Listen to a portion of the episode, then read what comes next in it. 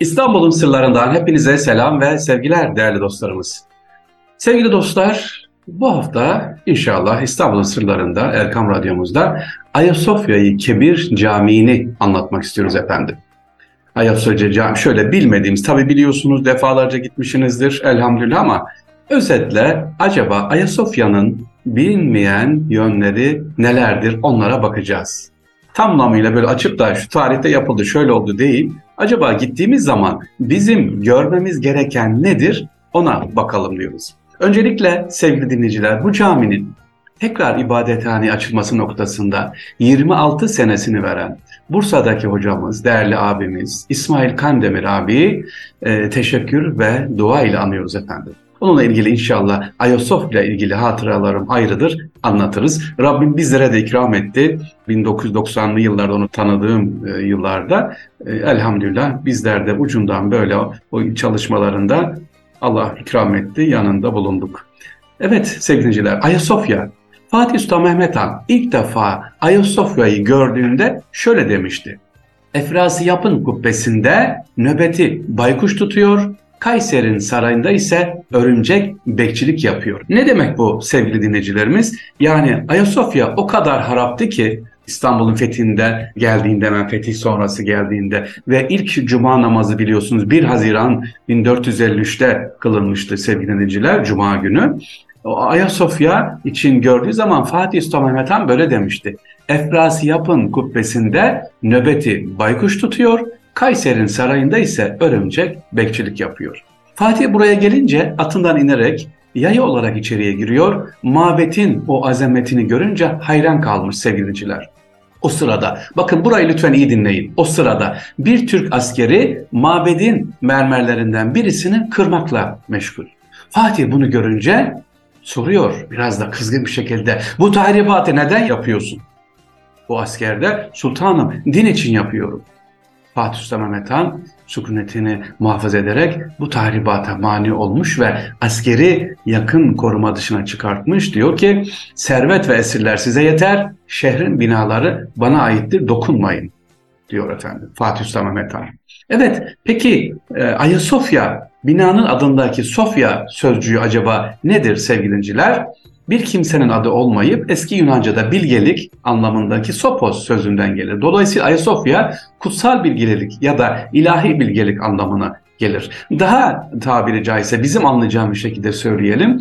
E, bil hikmettir efendim. Yani kullanılan bilgi demektir. Hakikaten bugün e, Ayasofya'ya bakarsanız eğer tabii bakıyoruz hepimiz bakıyoruz ama görmek önemli. Neden dikdörtgen şeklinde yapılmış?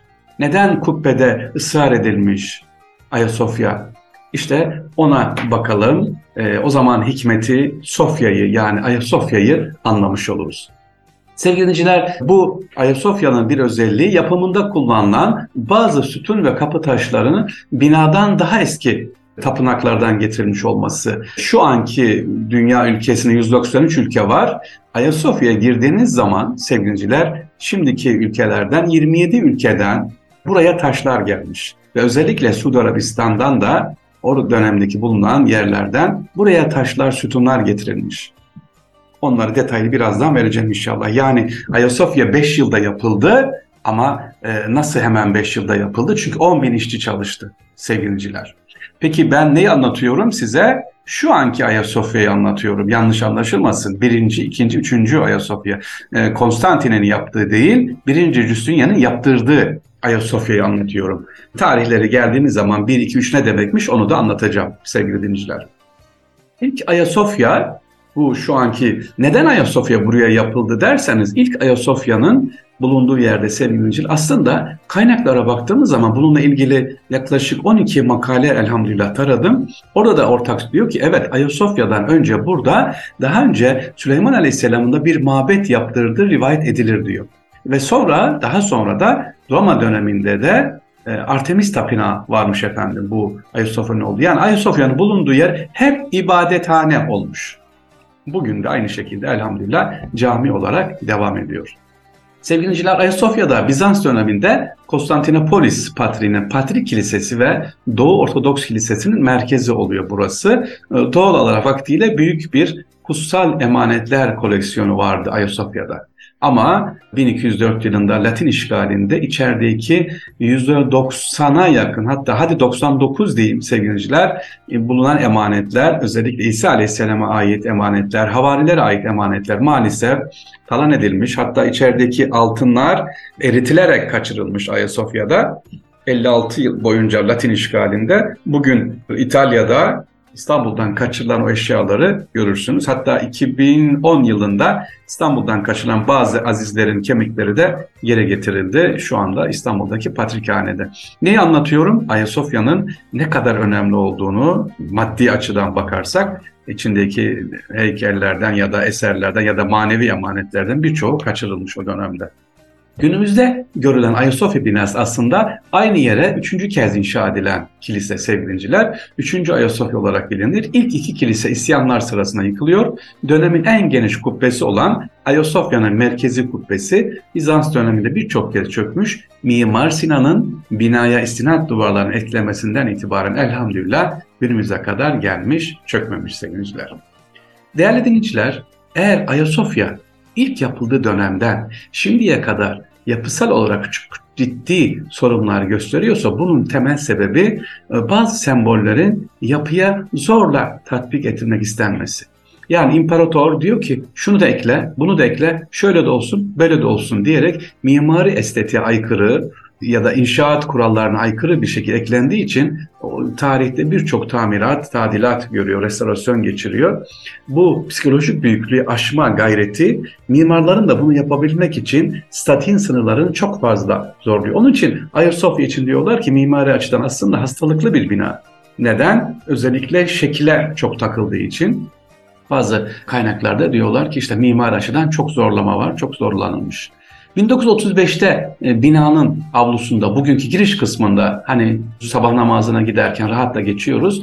Alman Arkeoloji Enstitüsü'nden bir ekibin yürütülen kazılarda ikinci Ayasofya ait birçok kalıntılar var orada. Görüyorsunuz ortada duruyor. Günümüzde Ayasofya'nın ana giriş yanında ve bahçede görülen bu kalıntılar o dönemin sütunlar, başlıklar, mermer bloklar sevgiliciler. Özellikle kuzu kapartmaları var onu görebilirsiniz açıkladır. 12 havari temsil ediyor. Bazı blokların üzerindeki 12 kuzu 12 havari temsil ediyor. Şimdiki Ayasofya'mıza gelirsek sevgili dinciler 23 Aralık 532'de yapımı baş çalışması başlanıyor. 27 Aralık 537'de tamamlanıyor. Kilisenin açılışını İmparator Justinian ve Patrik Etiuchus büyük bir törenle yaptılar. Ayasofya o zamana kadar en büyük yapı olarak kabul edilen Süleyman Tapınağı'nda daha büyük olduğundan İmparator Justinianus ya da Justinian halka yaptığı açılış konuşmasında Ey Süleyman seni yendim demişti. Bunun hikayesi nedir? Ona isterseniz ona baş, anlatalım ve bitirelim birinci bölümümüzü. Sevgiliciler şu Süleyman Aleyhisselam mabedi yeryüzündeki en büyük mabet. Dikdörtgen şeklinde yapılmış. Ayasofya'da öyle. Ama İstanbul'daki yapılan Ayasofyalar hepsi dikdörtgen. Amaç ne? O binayı bugün Kudüs'te bulunan şimdi İsraillerin ağlama duvarı dediği, bizim Burak duvarı dediğimiz o kalıntılar var. Mabet olarak ona benzetmiyor. İstanbul'u da e, aynı şekilde böyle New Shalom e, Yeni Kudüs şeklinde isimlendiriliyor. Bunu inşallah ileriki günlerde tekrar hatırlatacağım. İstanbul'un sırlarında sevgiliciler bilinmeyen Ayasofya'yı inşallah anlatıyoruz. Bazı farklılıkları var onu da söyleyeyim hazır yeri gelmişken dünyanın en eski katedrali, ibadethanesi öyle söyleyelim. E, yani katedral olarak düzeltelim. Yaptığı dönemden itibaren yaklaşık bin yıl boyunca 1520'de İspanya'daki Sevilla katedral inşaatı tamamlanan dek dünyanın en büyük katedral ünvanına sahip olmuş.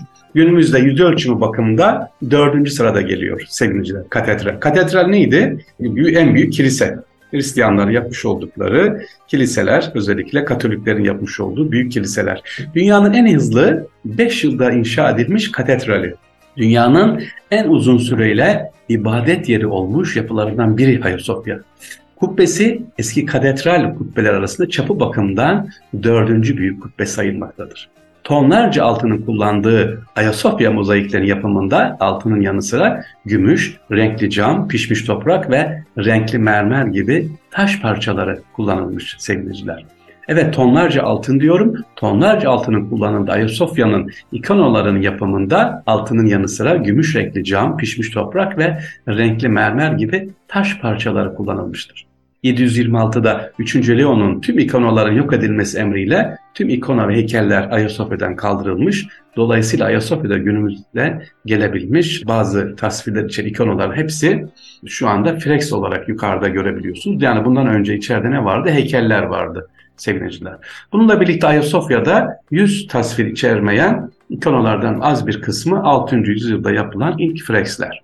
Günümüzde sevgili görülen yüz tasvirleri içeride mozaikler hepsi ikonalizm döneminden sonrası yapılan mozaikler. Yani neden mozaik görüyoruz derseniz ondan önce ikona vardı. İkonalar kaldırıldı. İkona ne demek? Tekrar edelim heykeller. Onu da söylemiş olalım. Bununla birlikte Ayasofya'da yüz tasvir içermeyen mozaiklerden az bir kısmı dediğim gibi 6. yüzyılda yapılan ilk mozaikler sevgili dinciler.